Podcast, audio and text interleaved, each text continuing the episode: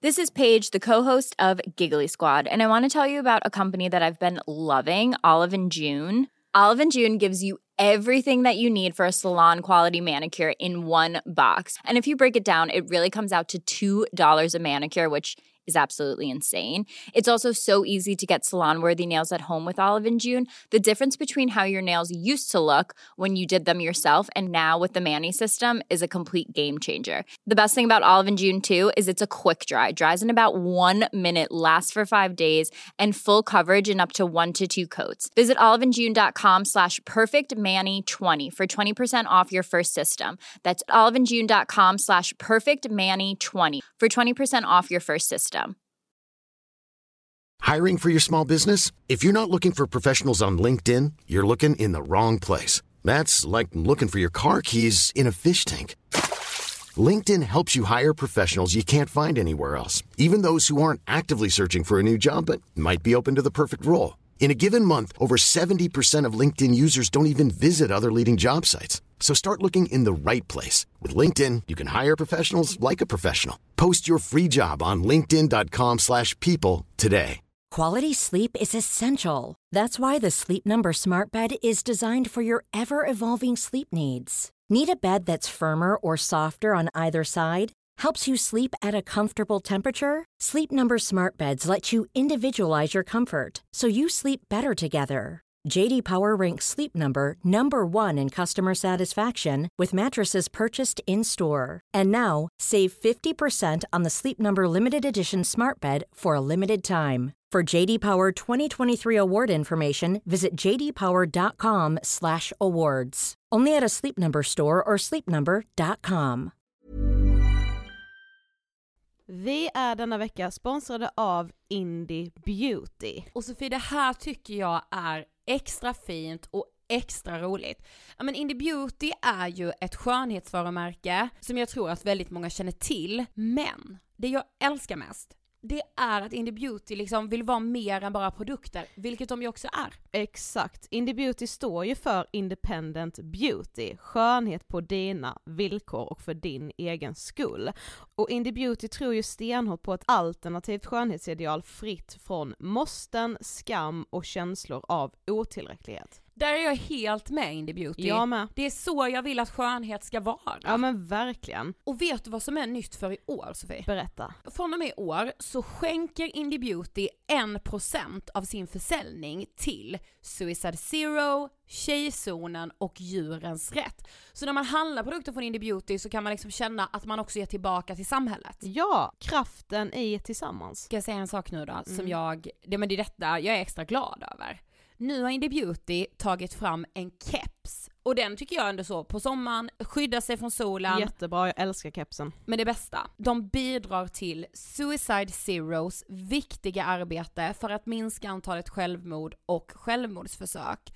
Så för varje såld keps så går hela vinsten, 100 kronor, direkt till Suicide Zero. Då kan man liksom göra nytta både för samhället och sin hud på en och samma gång. Ja, och kepsen kostar 169, men alltså hela vinsten går då som sagt till Suicide Zero.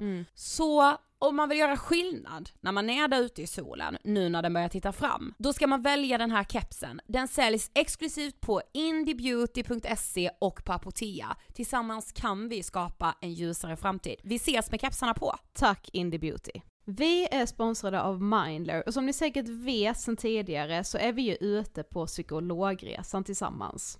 Men hur vet man egentligen när det är dags att söka hjälp? Ibland uppstår saker i livet som kommer utmana oss och kännas tufft. Det mesta självläker vi oss igenom, för vi är menade att ta oss igenom en viss mängd påfrestningar. Men ibland behöver man professionell hjälp för att ta sig ur jobbiga perioder i livet. Men vart går då gränsen? Vad är en del av livets skavighet och när är det läge att söka hjälp?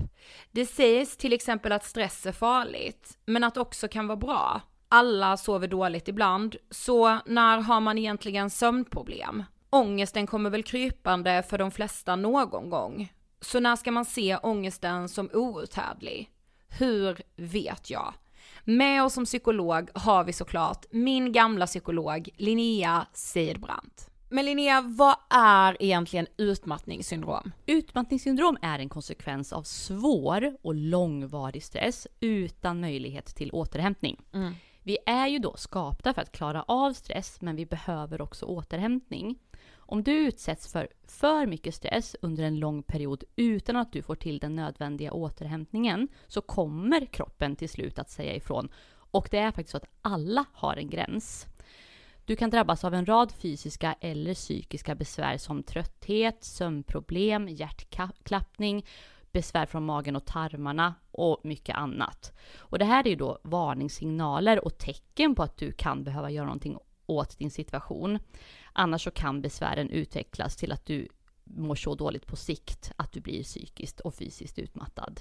Ladda ner Mindler till din telefon och läs mer på mindler.se. Jag ringde henne en timme innan vi skulle ses. Läget var okej, inget fel på det. Men hon luktade inte direkt hallon mellan benen. Det var otroligt avtändande. Men jag tyckte ändå att hon var tight. Hon sög bra. Men hon hade inte så mycket glidmedel hemma. Hon verkade inte direkt vara vän med tvål och vatten. Det hade jag ändå förväntat mig. Att hon skulle ta en dusch innan vi träffades. Ja, ja, hur som helst. Nu ska jag hoppa in i duschen och skölja av mig med T-sprit. Ifall hon dyker upp igen i någon annan stad skriver jag det här som en varning.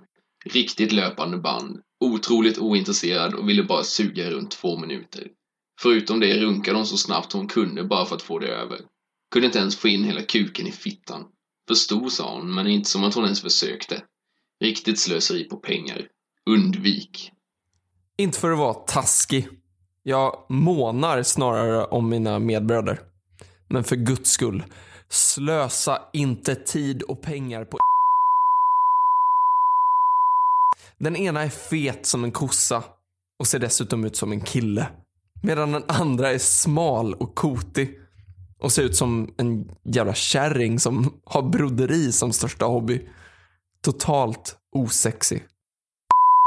Hon är en skönhet. Oh ja, i alla fall i jämförelse med de här jävla mumierna. Du lyssnar på Ångestpoddens serie Vi måste prata om prostitution och idag pratar vi om sexköparen.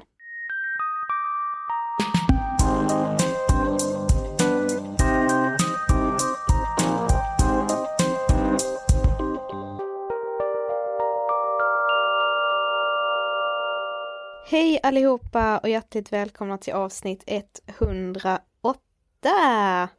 108 av wow. Ångestpodden! Yeah!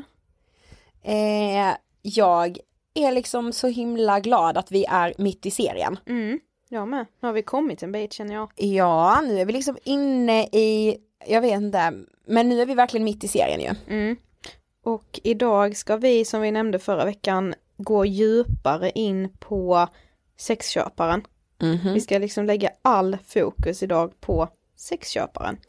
Ja, för ja men alltså när vi gjorde denna så insåg ju vi att det här är verkligen så spännande. Ja och vad är det liksom som, alltså man blir ju ändå nyfiken på liksom så här de mänskliga drifterna.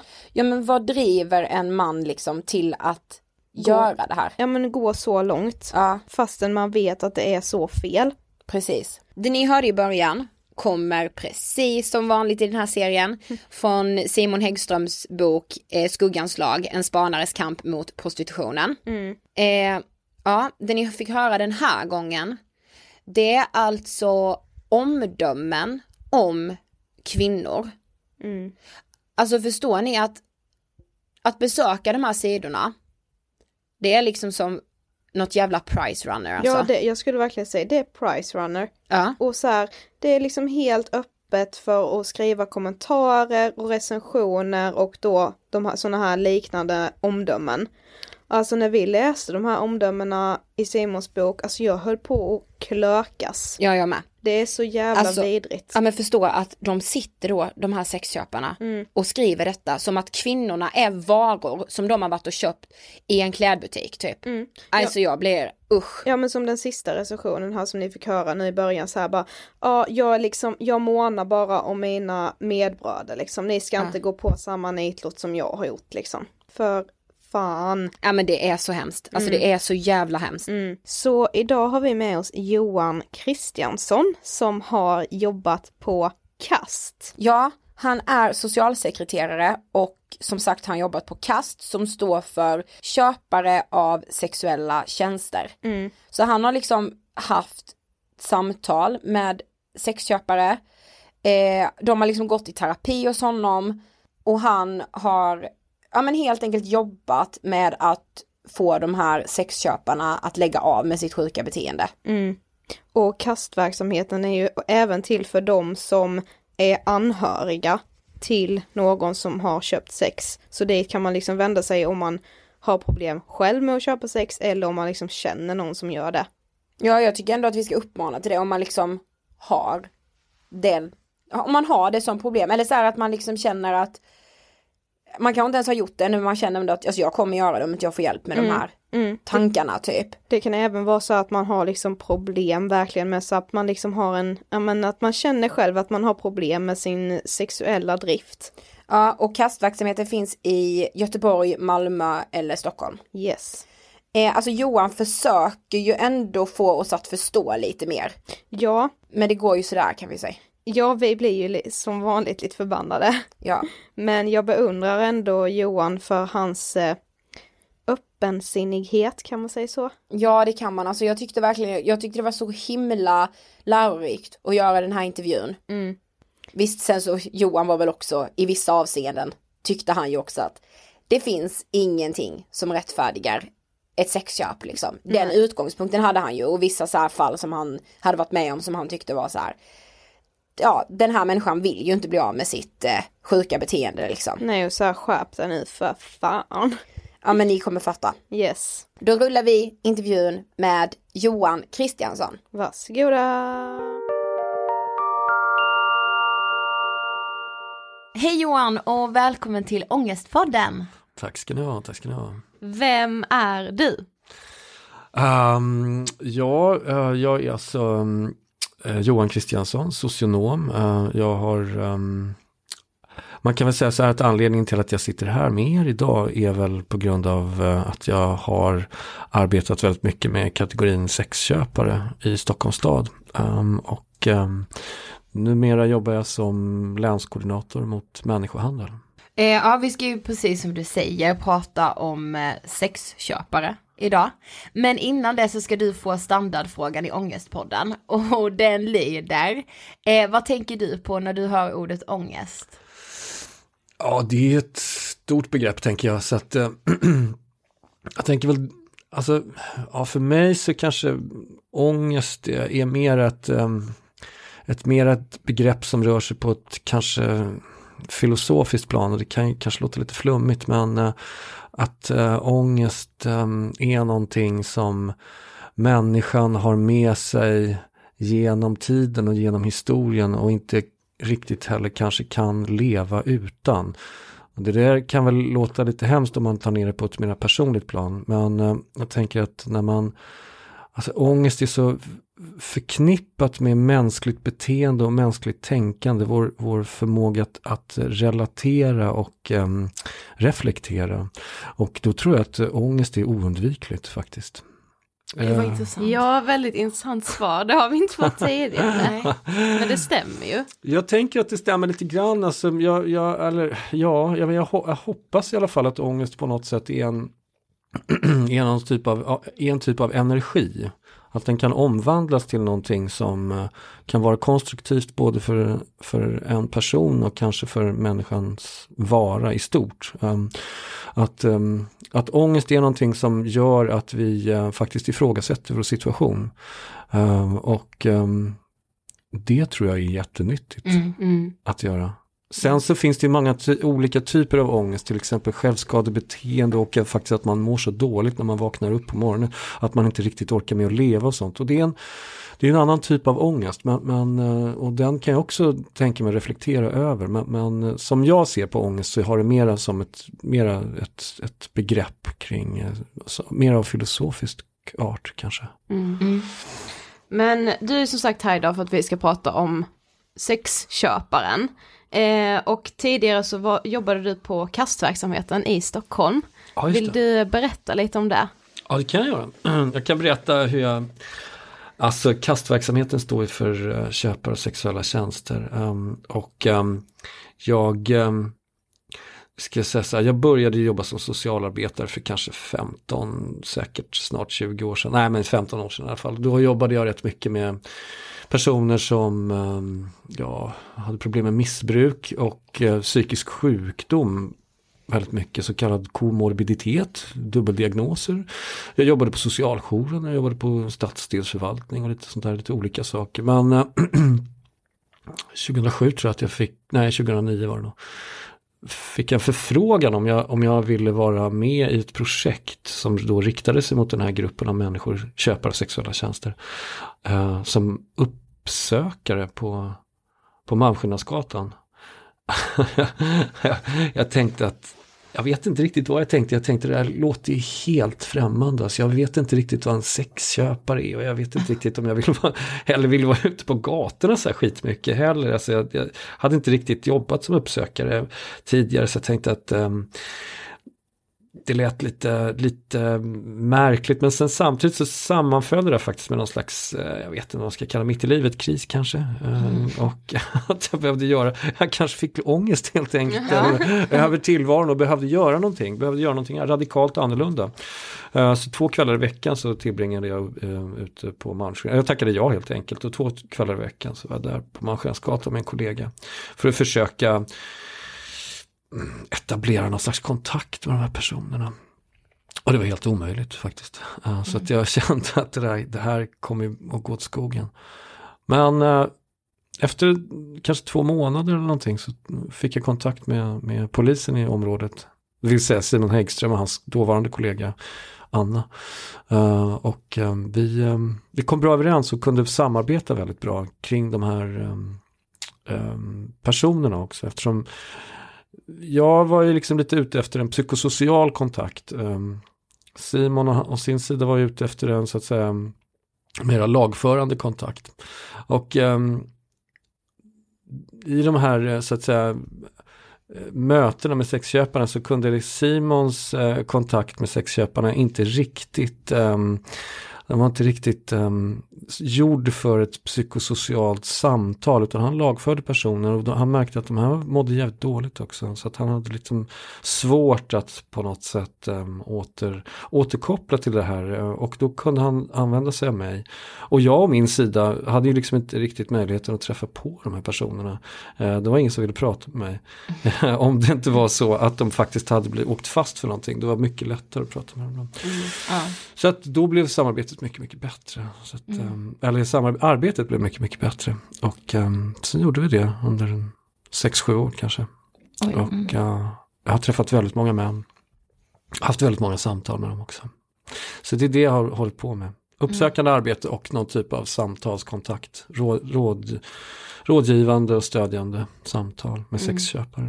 Mm. Och det som kallas för KAST, kastverksamheten. Mm. Som finns i Stockholm och Göteborg och Malmö. Aha. Ja, för som sagt så gör ju vi den här serien om prostitution. Och det mm. kändes väldigt viktigt för oss att ha med liksom det här om sexköparen också. Men du mm. sa det just att du har träffat många män. Ja, och när vi skrev frågorna så blev det så att vi bara, ja men mannen och den är så här. Ja, hur stor andel är män och hur stor andel är kvinnor av sexköpare? Ja, alltså i de miljöer och i de situationer och um, scener som vi uh, så att säga kommer åt så är, är det en väldigt traditionell bild av sexköparen. Det är en man. Det är en man, uteslutande man skulle jag säga. Mm. Så du, har du haft en kvinna någon gång? En kvinna har jag haft ja. ja? Mm. en kvinna har jag haft uh, samtal med och um, i ärlighetens namn så uh, Ja, det var lite svårt att dra någon slags gräns om vad det verkligen var. Om det var sexköp eller om det var någon annan typ av ångestrelaterat eh, beteende gällande sexualitet. tror jag. Mm. Så att jag... Men vi frågade ju Simon också så här vilka sexköparna faktiskt är. Aha. Och han sa ju liksom att det, det kan vara vem som helst. Men vi tänker du har ju liksom ändå haft ett mer personligt samtal med de här männen då. Eh, vilka är de? Alltså vad har de, finns det någon typ så här personlighet, ett personlighetsdrag som liksom är genomgående eller så här vilken ålder, har de familj oftast, Ja. alltså vilka är de? Ja, just det. Man kan ju kategorisera eh, en sexköpare på något sätt. Det kan man nog göra. Kanske inte riktigt på det sättet som man skulle önska att det fanns någon uh, Nej, man gene- varning liksom. Ja, Alla som jobbar med. Ja, precis. Alla som jobbar på Konsum. Nej, men eh, alltså.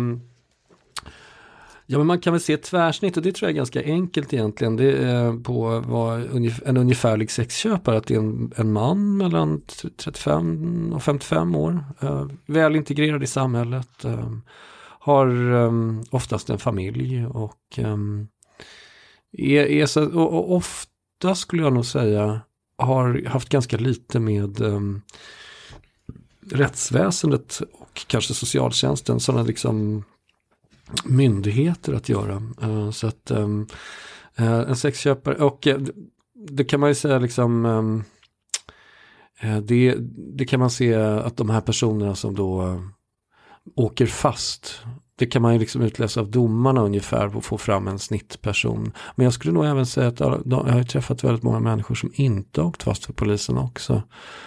Och jag tycker nog att tvärsnittet ser ungefär jämförbart ut. Mellan 35 och 55. En ganska normal person. Ehm, och ehm, som man också tänker sig har ganska mycket att förlora på att det här skulle komma fram på ett eller annat sätt. Mm. Man har oftast kanske, man, ofta kan man ju kanske göra sig en bild av en sexköpare att det är en väldigt ensam person. Och, Ja. men, men eh, mina erfarenheter säger inte riktigt att det är på det viset. Sen kan man ju diskutera det också. Det är ju ett urval som jag har kommit i kontakt med. Liksom när jag delvis har jobbat med polisen men delvis också haft den här samtals... ehm,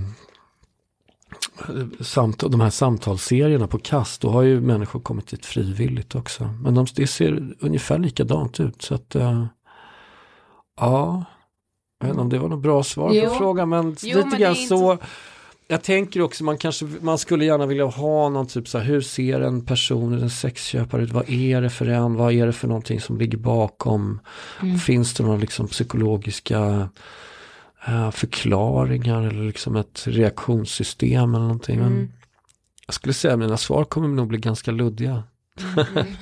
Jo men vi har ju tycker vi- typ förstått att det är så, man har ju liksom en bild av vem sexköparen är, men man förstår ju också att den bilden stämmer inte. Det Nej. räcker inte med man- bara den, de man tror. Nej, man skulle också kunna säga det med sexköparen är ju liksom lite kontextuellt på något sätt. Alltså det är i, i, i den här kontexten, i det, i det klimatet som råder i Sverige idag så, så har man också en bild av sexköparen som en ganska, vad ska man säga, apart främling, någon som står utanför, någon som Ja, gör mm, någonting. Någon som är väldigt ensam som kanske inte kan få sex på något annat sätt. liksom. Ja, just det, precis. Och som också gör någonting olagligt. Som är, alltså, man, som, det är, en, det är en, en riktig skummis skulle man kunna säga. Men då kan man ju tänka sig att man drar sig till minnes Alltså till exempel då lagen kom ju, trädde i kraft 1999 men till exempel Stockholm var ju ökänt för sina liksom, eller inte ö, jag skulle säga att det var mer en turistattraktion på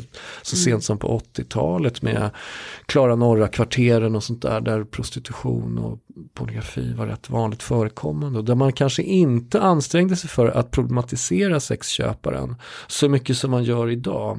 Ehm, och ehm, då tror jag att man kanske hade, då fanns det en annan typ av norm.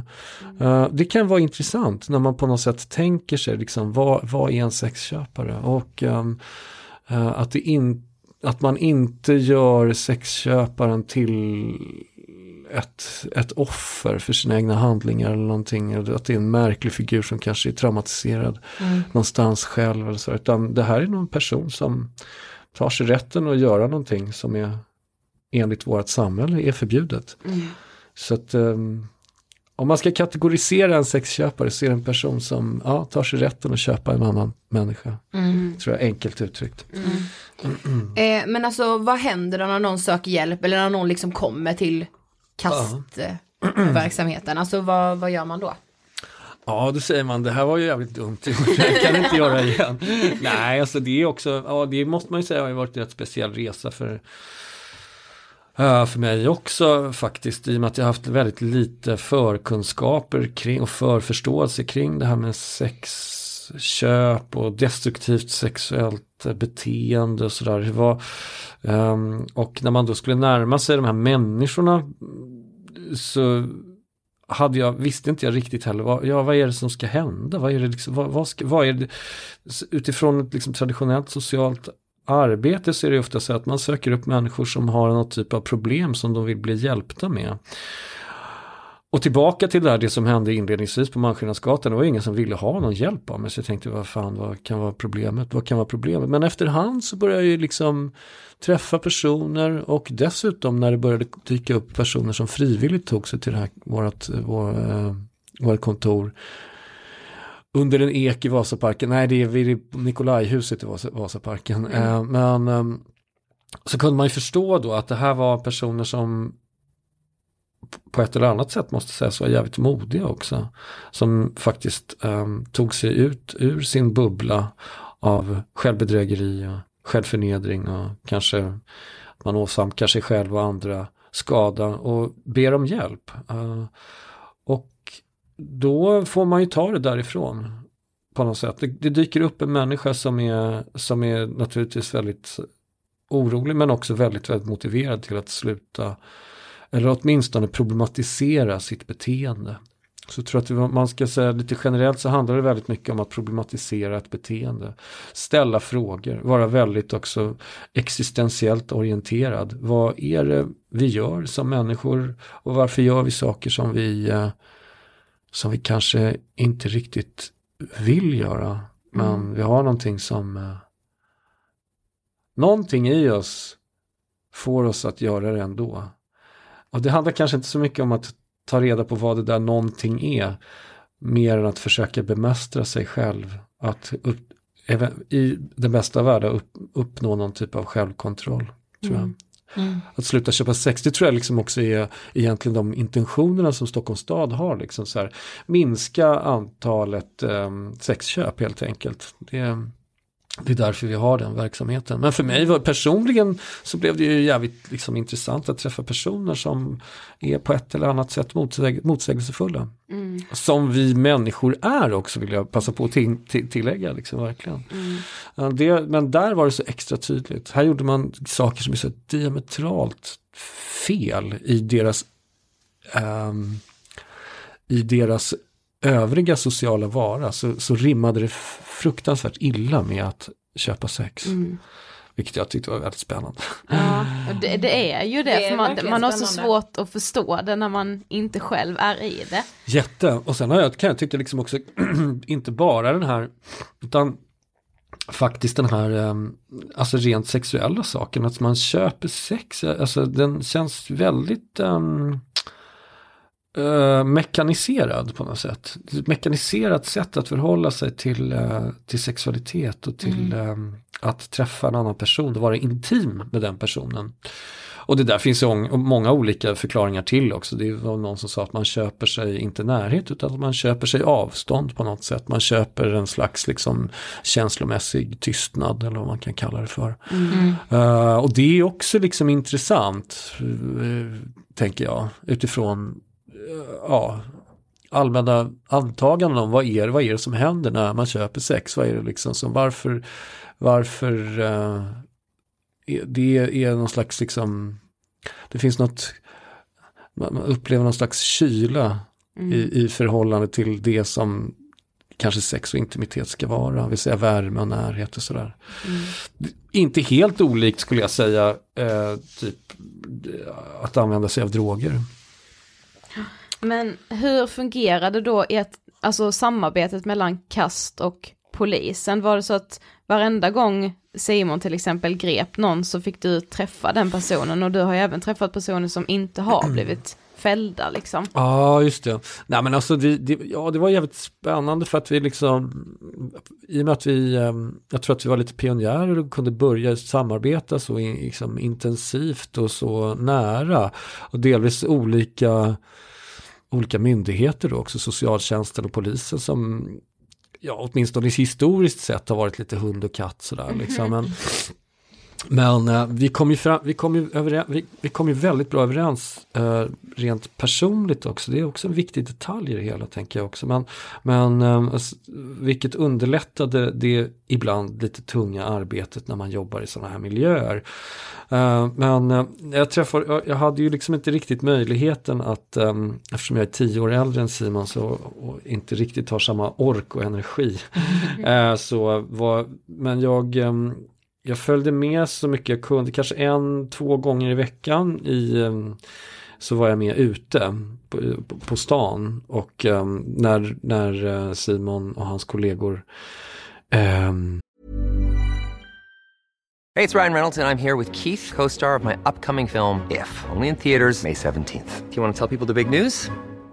All right, I'll do it. Sign up now and you'll get unlimited for $15 a month in six months of Paramount Plus Essential Plan on us. Mintmobile.com slash switch. Upfront payment of $45 equivalent to $15 per month. Unlimited over 40 gigabytes per month. Face lower speeds. Videos at 480p. Active Mint customers by 531.24 get six months of Paramount Plus Essential Plan. Auto renews after six months. Offer ends May 31st, 2024. Separate Paramount Plus registration required. Terms and conditions apply if rated PG. Hiring for your small business? If you're not looking for professionals on LinkedIn, you're looking in the wrong place. That's like looking for your car keys in a fish tank.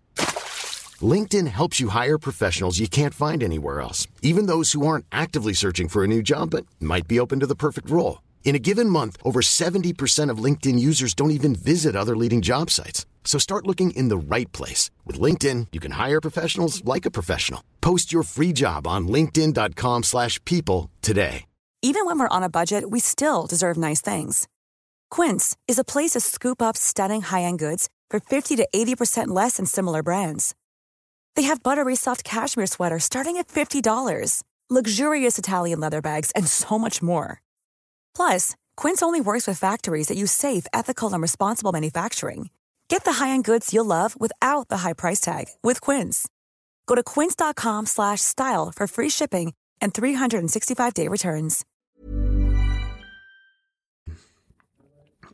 Tog fast sexköpare så kunde jag följa upp med ett samtal efter ingripandet så att säga. Men Mm. sen även så att säga om jag inte var med så kunde Simon vidarebefordra en kontakt. Um, sen så har jag varit um, också på polishuset efter förhör och sådär när, när man har Mm. hållit förhör med, med sexköpare så har jag kunnat komma och erbjuda tjänster. Alltså erbjuda Erbjuda tjänster, erbjuda. ja men, nej, men erbjuda, alltså, och det kan man ju tycka är ganska, liksom, det finns ju något fint i någon slags rättssamhälle att man, eh, okej vi gör en överenskommelse om att det här är fel. Det här är så här, i ett modernt samhälle så passar det liksom inte riktigt att man köper att man köper människor på det, på det slavliknande sättet. Eh, utan vi, eh, vi, vi förbjuder det. Men jag kan tycka att det är bra att man att man inte bara tror att en lagstiftning förändrar människans, det kan ju, det har ju en väldigt normerande effekt lagstiftning såklart, men jag tänker också att man rent psykosocialt måste ge personer stöd och hjälp Mm. och kunna reflektera över sina gärningar på det Ja, sättet, på ett annat sätt. Så därför tycker jag nog att det har varit rätt stiligt med välfärdssamhället. Att det kunnat medge medel att hjälpa även sexköpare Mm. på traven. Men ni frågade om någonting helt annat då. Ehm, Vi frågade samarbetet. Samarbetet, ja precis. Ja, vi har samarbetat väldigt, väldigt mycket och vi har haft en liksom på något sätt och Simon alltid, om jag inte har varit med så har Simon liksom lätt kunnat på något sätt ringa mig eller liksom höra av sig till mig så att jag har kunnat få kontakt med en person om det, om det liksom är jag menar, det är ju långt ifrån alla som vill ha hjälp av socialtjänsten eh, för att eh, in, sluta köpa sex. Men när man märker att människor mår jävligt dåligt och är olyckliga på många sätt så, så har det varit en absolut väldigt eh, smidig eh, ingång helt enkelt. Vi, den har varit ehm, den har präglats av en väldigt enkelhet och, enkel och, och tillgänglighet skulle jag säga. Mm. Alltså så Simon har kunnat ringa mig om det har varit kris liksom. Om jag inte jobbar så inte det världens katastrof liksom. Mm. Så det har varit skitbra, det måste jag verkligen säga. Ehm, och roligt framförallt. Men måste man liksom vilja ha hjälpen själv? Alltså det är inte så att polisen kan tvinga in någon i att så här, nu måste du på de här samtalen, du måste göra den här behandlingen liksom. Nej, så är det inte. Man kan inte bli dömd till att, ehm, till att gå, på, ehm, gå, gå till kast på något sätt. Det, det går inte, utan det är frivilligt. Det är väl väldigt eh, förknippat med frivillighet och man, det är också som kastverksamheten är utformad, det är avgiftsfritt och man får vara anonym i den mesta mån det går och så. Också in, inkorporerad eller vad det heter, inlämnad i behandlingsenheten i Stockholms stad. Där man kan gå för om man har problem med spelberoende eller man har, vad heter det, om man behöver familjerådgivning till exempel Mm, också. mm. Men det ser ju säkert väldigt olika ut, men hur kan liksom en vanlig behandling för en sexköpare som faktiskt vill ha hjälp se ut? Ja, det ser ju rätt individuellt ut. Alltså, vi har inte egentligen kanske ehm, vi har arbetat fram metoder men, men ingen sån där ehm, behandlingsidé skulle jag säga hur man på något sätt, man, det är inte så att man går igenom ett slags tolv- tolvstegsprogram eller någonting. Men ehm, det, jag skulle nog säga att i, i mångt och mycket så handlar det om att ehm, eh, försöka ehm, stävja ett beteende.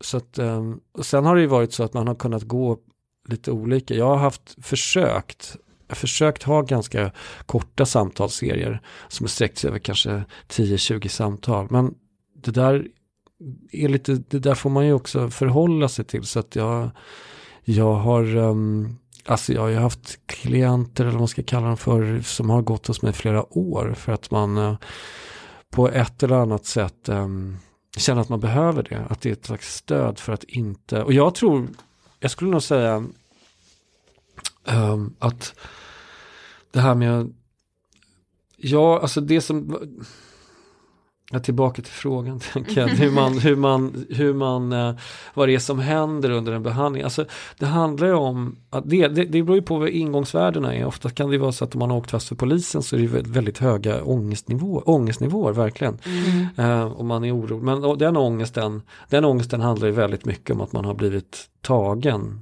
och ehm, avslöjad med Mm. någonting som man inte riktigt vill bli avslöjad med. Så då, då kan det inledningsvis handla rätt mycket om att få ner den ångestnivån och se till att människor inte gör något dumt så att de liksom typ tar livet av sig eller försöker ta livet av sig eller någonting.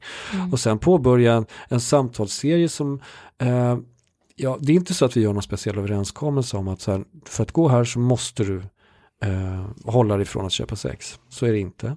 Men eh, vi på något sätt eh, eh, för ju samtal om delvis på vilka sätt, vilka praktiska sätt man ska kunna försöka avhålla sig från att köpa sex. Och sen naturligtvis på ett annat mera djupgående, vad handlar de här sexköpen om? Varför gör man dem?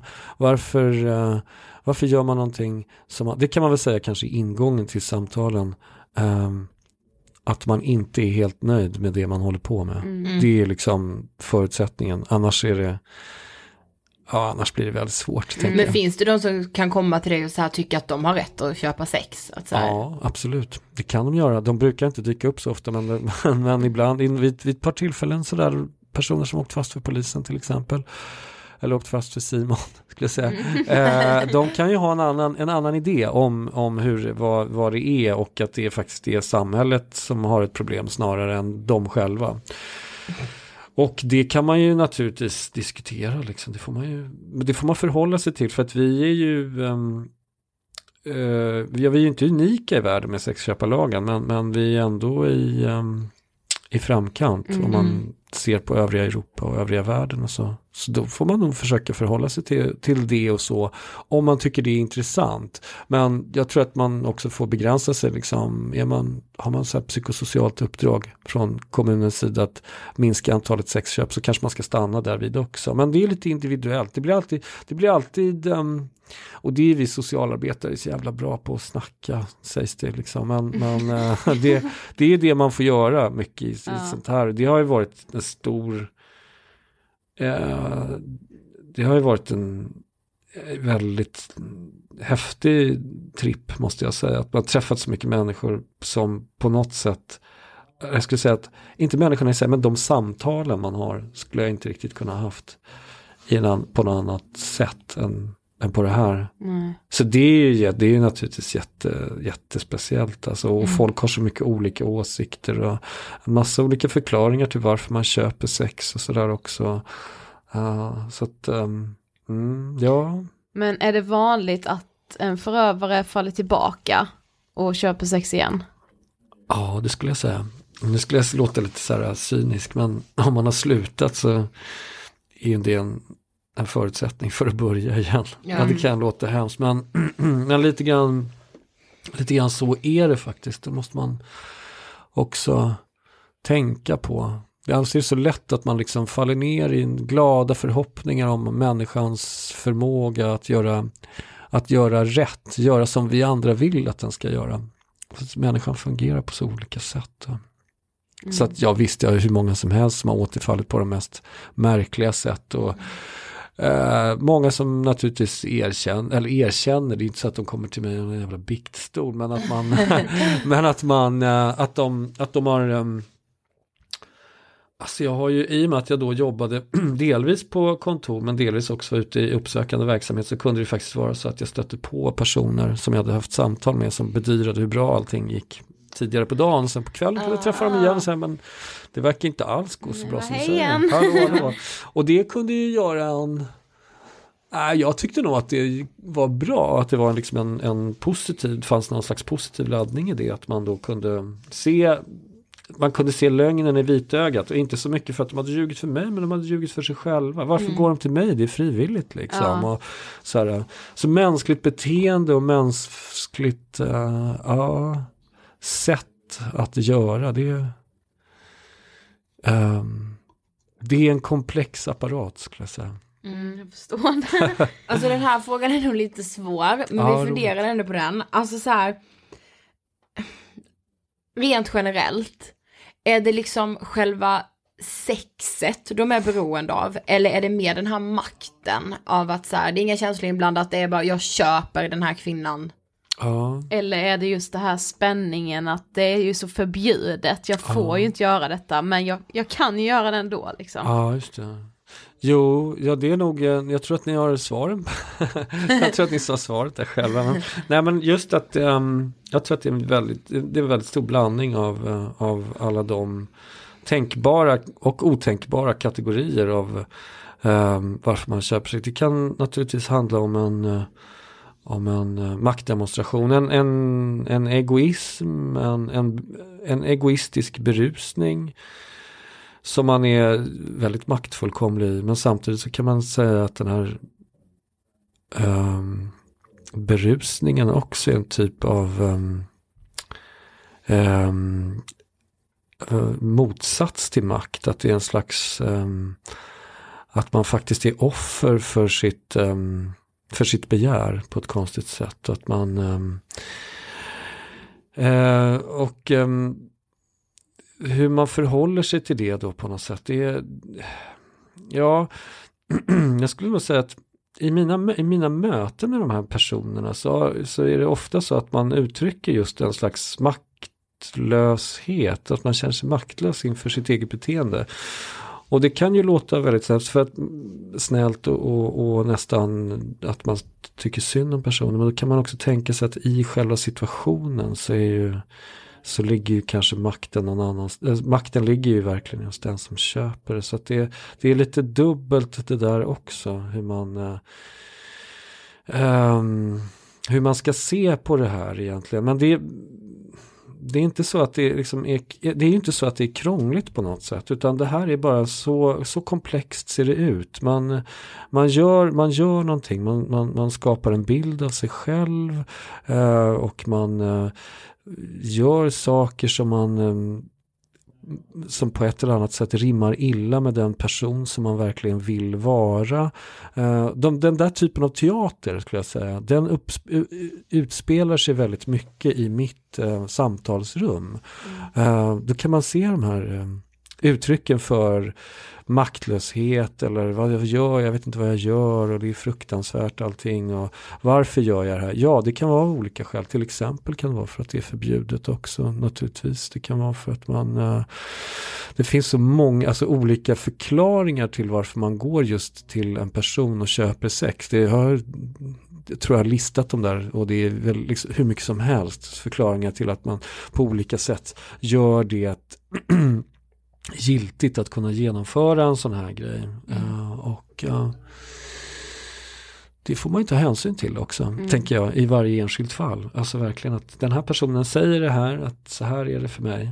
Ja, då är det så för den personen. Så får man också bygga vidare på vad är det, vi, vad är det att vara människa, vad är, har vi vår habilitet till, vad vi är som skiljer oss från djuren, vår möjlighet att reflektera naturligtvis och kanske eventuellt vårt omöjliga, fantasirika och ibland häpnadsväckande oroande inre eh, behöver kanske inte hela tiden ha en motsvarighet i våra yttre handlingar. Och sådär. Så att, För, men för jag tänker liksom bara, är det liksom inte svårt att ta hänsyn till det? För jag tänker liksom så här, men vi är ju inte djur, för fan. Alltså det, Nej, det, sker, det är ju, du måste ju ha ett konsekvenstänk, du Ja. som köper sex liksom. Ja. Är det inte svårt att så här, ja men bara försöka förstå dem? jo. För jag har jättesvårt att förstå men dem. det kan vara, det kan ju vara, precis, det är ju, nu, har jag, nu är jag ju så pass liksom kanske miljöskadad eller någonting, men jag, alltså just det där när man möter Ja men precis som när jag började jobba med, med, med, med det här så var jag ju helt precis som ni kanske uttrycker nu också bara men vad fan vad är det för något? Är det, hur svårt kan det vara?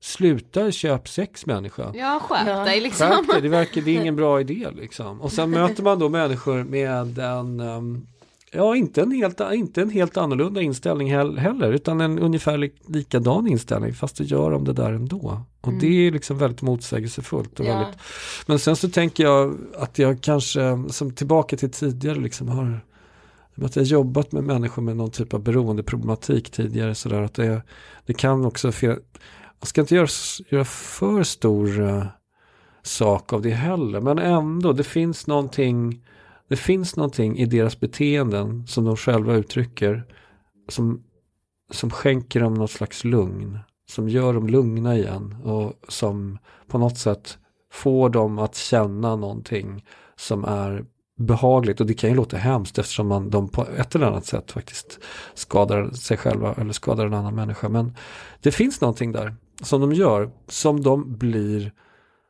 um, mer eller mindre beroende av. Mm. Beroende på eh, i, i det avseendet att man måste göra det igen. Man måste, måste, måste. Jag har hört så mycket tvångsmässighet kring det här också som har gjort mig så förundrad.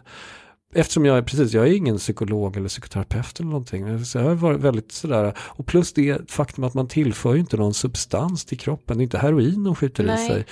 Eh, faktiskt. Så det, men det finns tydligen psykologiska mönster som kan göra som kan göra saker Som med- blir ändå beroendeframkallande. Mm, på, något, på ett eller annat sätt skulle jag säga. Ja. Ja. Det får man, om man ska bedriva ett liksom, psykosocialt behandlingsarbete så måste man vara rätt ödmjuk inför Mm. det. Annars så Mm. blir det svårt. Men Ja, ibland har det varit såklart. svårt, absolut. Mm.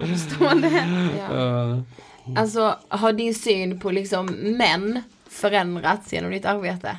ehm, nej, inte så mycket tror jag. Jag skulle inte säga att jag är... eh, Alltså jag, vi tänkte ju så att man förstår. träffar så många olika. Ja, och att man kan bli, att man kan känna en, eh, att man börjar tycka illa om män, att man börjar, liksom att det händer så, gör saker. Men Mm. jag vet inte fan, jag undrar om jag kanske är för egotrippad eller liksom inte riktigt kan släppa in sådana tankar. känslor. det är klart att jag, man möter ju människor ibland som man känner så här, vad fan håller du på med? Liksom, det, här var, det här är verkligen inget bra för någon på något sätt. Men, men jag, nej, jag kan inte säga det. Det jag kan säga är väl att man efter kanske sex eller sju års hårt arbete med sådana här personer, att det kan vara bra att kanske byta perspektiv. För att man kan bli lite, alltså man blir lite miljöförstörd och man på något sätt liksom blir inte riktigt lika reflekterande, blir inte riktigt lika förvånad, uppmärksam eller nyfiken på Nej. vad folk säger. Och hur de kan få ihop sina olika deljag. men, men så därför har det ju varit ganska skönt att, att just byta fokus till ett lite mera svart och vitt tänkande där rätt är rätt och fel är fel samtidigt som jag egentligen rent, rent filosofiskt eller rent så här, ja vad man nu ska säga, tycker att det är mer spännande med en komplexitet som Mm. gör som gör att man måste ställa sig frågor kring människan och mänskligt beteende, Mm. vem vilka vi är och sådär. Och, ehm, vi har ju en bra idé här i Sverige att liksom så här, vi ska inte köpa sex, det är inte bra. Men det förvandlar inte det här landet automatiskt till ett paradis där, där lejonen går sida vid sida med fåren. Liksom. Nej. Nej. Och det tycker jag, jag är väldigt road och intresserad av det. Jag, det måste jag säga. Jag är, road är ett, det var ett dumt ord, men, men jag är väldigt intresserad av den mänskliga med den mänskliga konstruktionen på något sätt. Eh, och kanske också motsägelsefullheten i allt i det att vara människa. Mm. Och det tror jag kanske ry- rymmer just det där begreppet ångest också väldigt mycket. Att ångest är en är någonting vi vill bekämpa tänker jag också såklart. Man vill, ingen vill ha ångest men, men samtidigt liksom är ångest en del av människans historia om den, och hur ska vi så att säga förhålla oss till saker som vi inte riktigt vill ha med att göra och vad Mm. är de, vad liksom vad, vad gör de med oss? Mm. Sådana saker tycker jag är Mm. Vi har kommit till sista frågan. Ja. Vad inspirerar dig? Ja, jag tror att jag skulle säga motsägelsefullhet. Eh, det låter ju, men jag tycker att det är en, någonting, någonting som är intressant. Det, det inspirerar mig väldigt mycket till, och jag vet inte riktigt vad det inspirerar mig till. Det, men det gör att jag, att jag blir nyfiken och intresserad. Vad är det som, vad är det som, vad är det som gör att vi ibland gör det vi inte vill göra? Mm. Det tycker jag är skitspännande, verkligen. Det tycker jag med nu när du Jag fattar liksom inte men jag vill veta mer. Tack Ja, så jättemycket för att du vill gästa Ångestpodden. Tack snälla, tack. Alltså jag tycker det är så otroligt intressant det här Johan säger i slutet om vad som inspirerar honom. Jag vet. Och att det är motsägelsefullhet. Mm.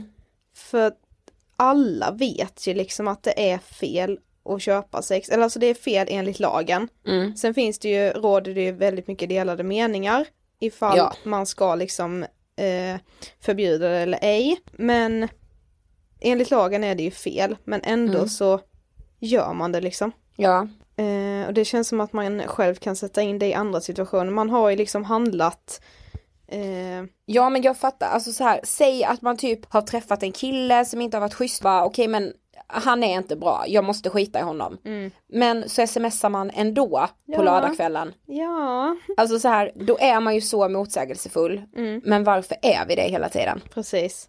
Det, vad är det som liksom driver oss till det? För människor är motsägelsefulla, tänker jag. Spontant, alltså så här, rent generellt. Ja.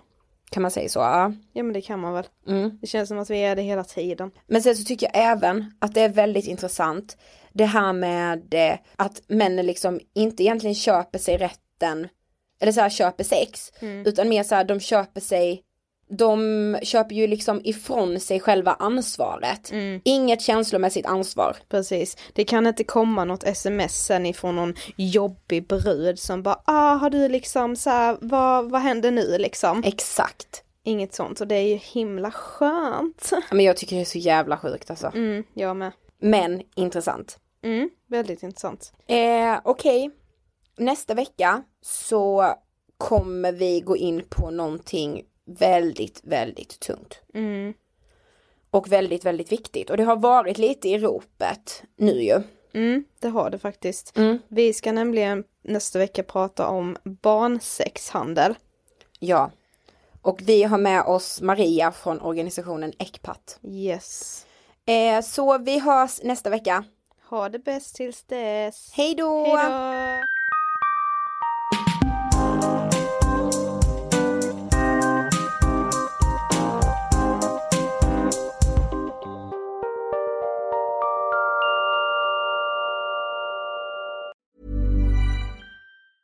Hey, folks, I'm Mark Marin from the WTF Podcast, and this episode is brought to you by Kleenex Ultra Soft Tissues, your ally to help tackle your allergy symptoms this season. I love the change of seasons, but nobody loves pollen and all those other things floating in the air that make you sneeze during this nice weather. Kleenex Ultra Soft Tissues are hypoallergenic and allergist approved. So fight back against watery eyes and runny noses without worrying about irritating your skin. For this allergy season, grab Kleenex and face allergies head on. Hey, it's Paige DeSorbo from Giggly Squad. High quality fashion without the price tag. Say hello to Quince. I'm snagging high-end essentials like cozy cashmere sweaters, sleek leather jackets, fine jewelry, and so much more. With Quince being 50 to 80% less than similar brands. And they partner with factories that prioritize safe, ethical, and responsible manufacturing. I love that. Luxury quality within reach. Go to quince.com slash style to get free shipping and 365 day returns on your next order. Quince.com slash style. Mom deserves the best, and there's no better place to shop for Mother's Day than Whole Foods Market. They're your destination for unbeatable savings, from premium gifts to show-stopping flowers and irresistible desserts. Start by saving 33% with Prime on all body care and candles. Then get a 15-stem bunch of tulips for just $9.99 each with Prime. Round out Mom's menu with festive rosé, irresistible berry chantilly cake, and more special treats. Come celebrate Mother's Day at Whole Foods Market.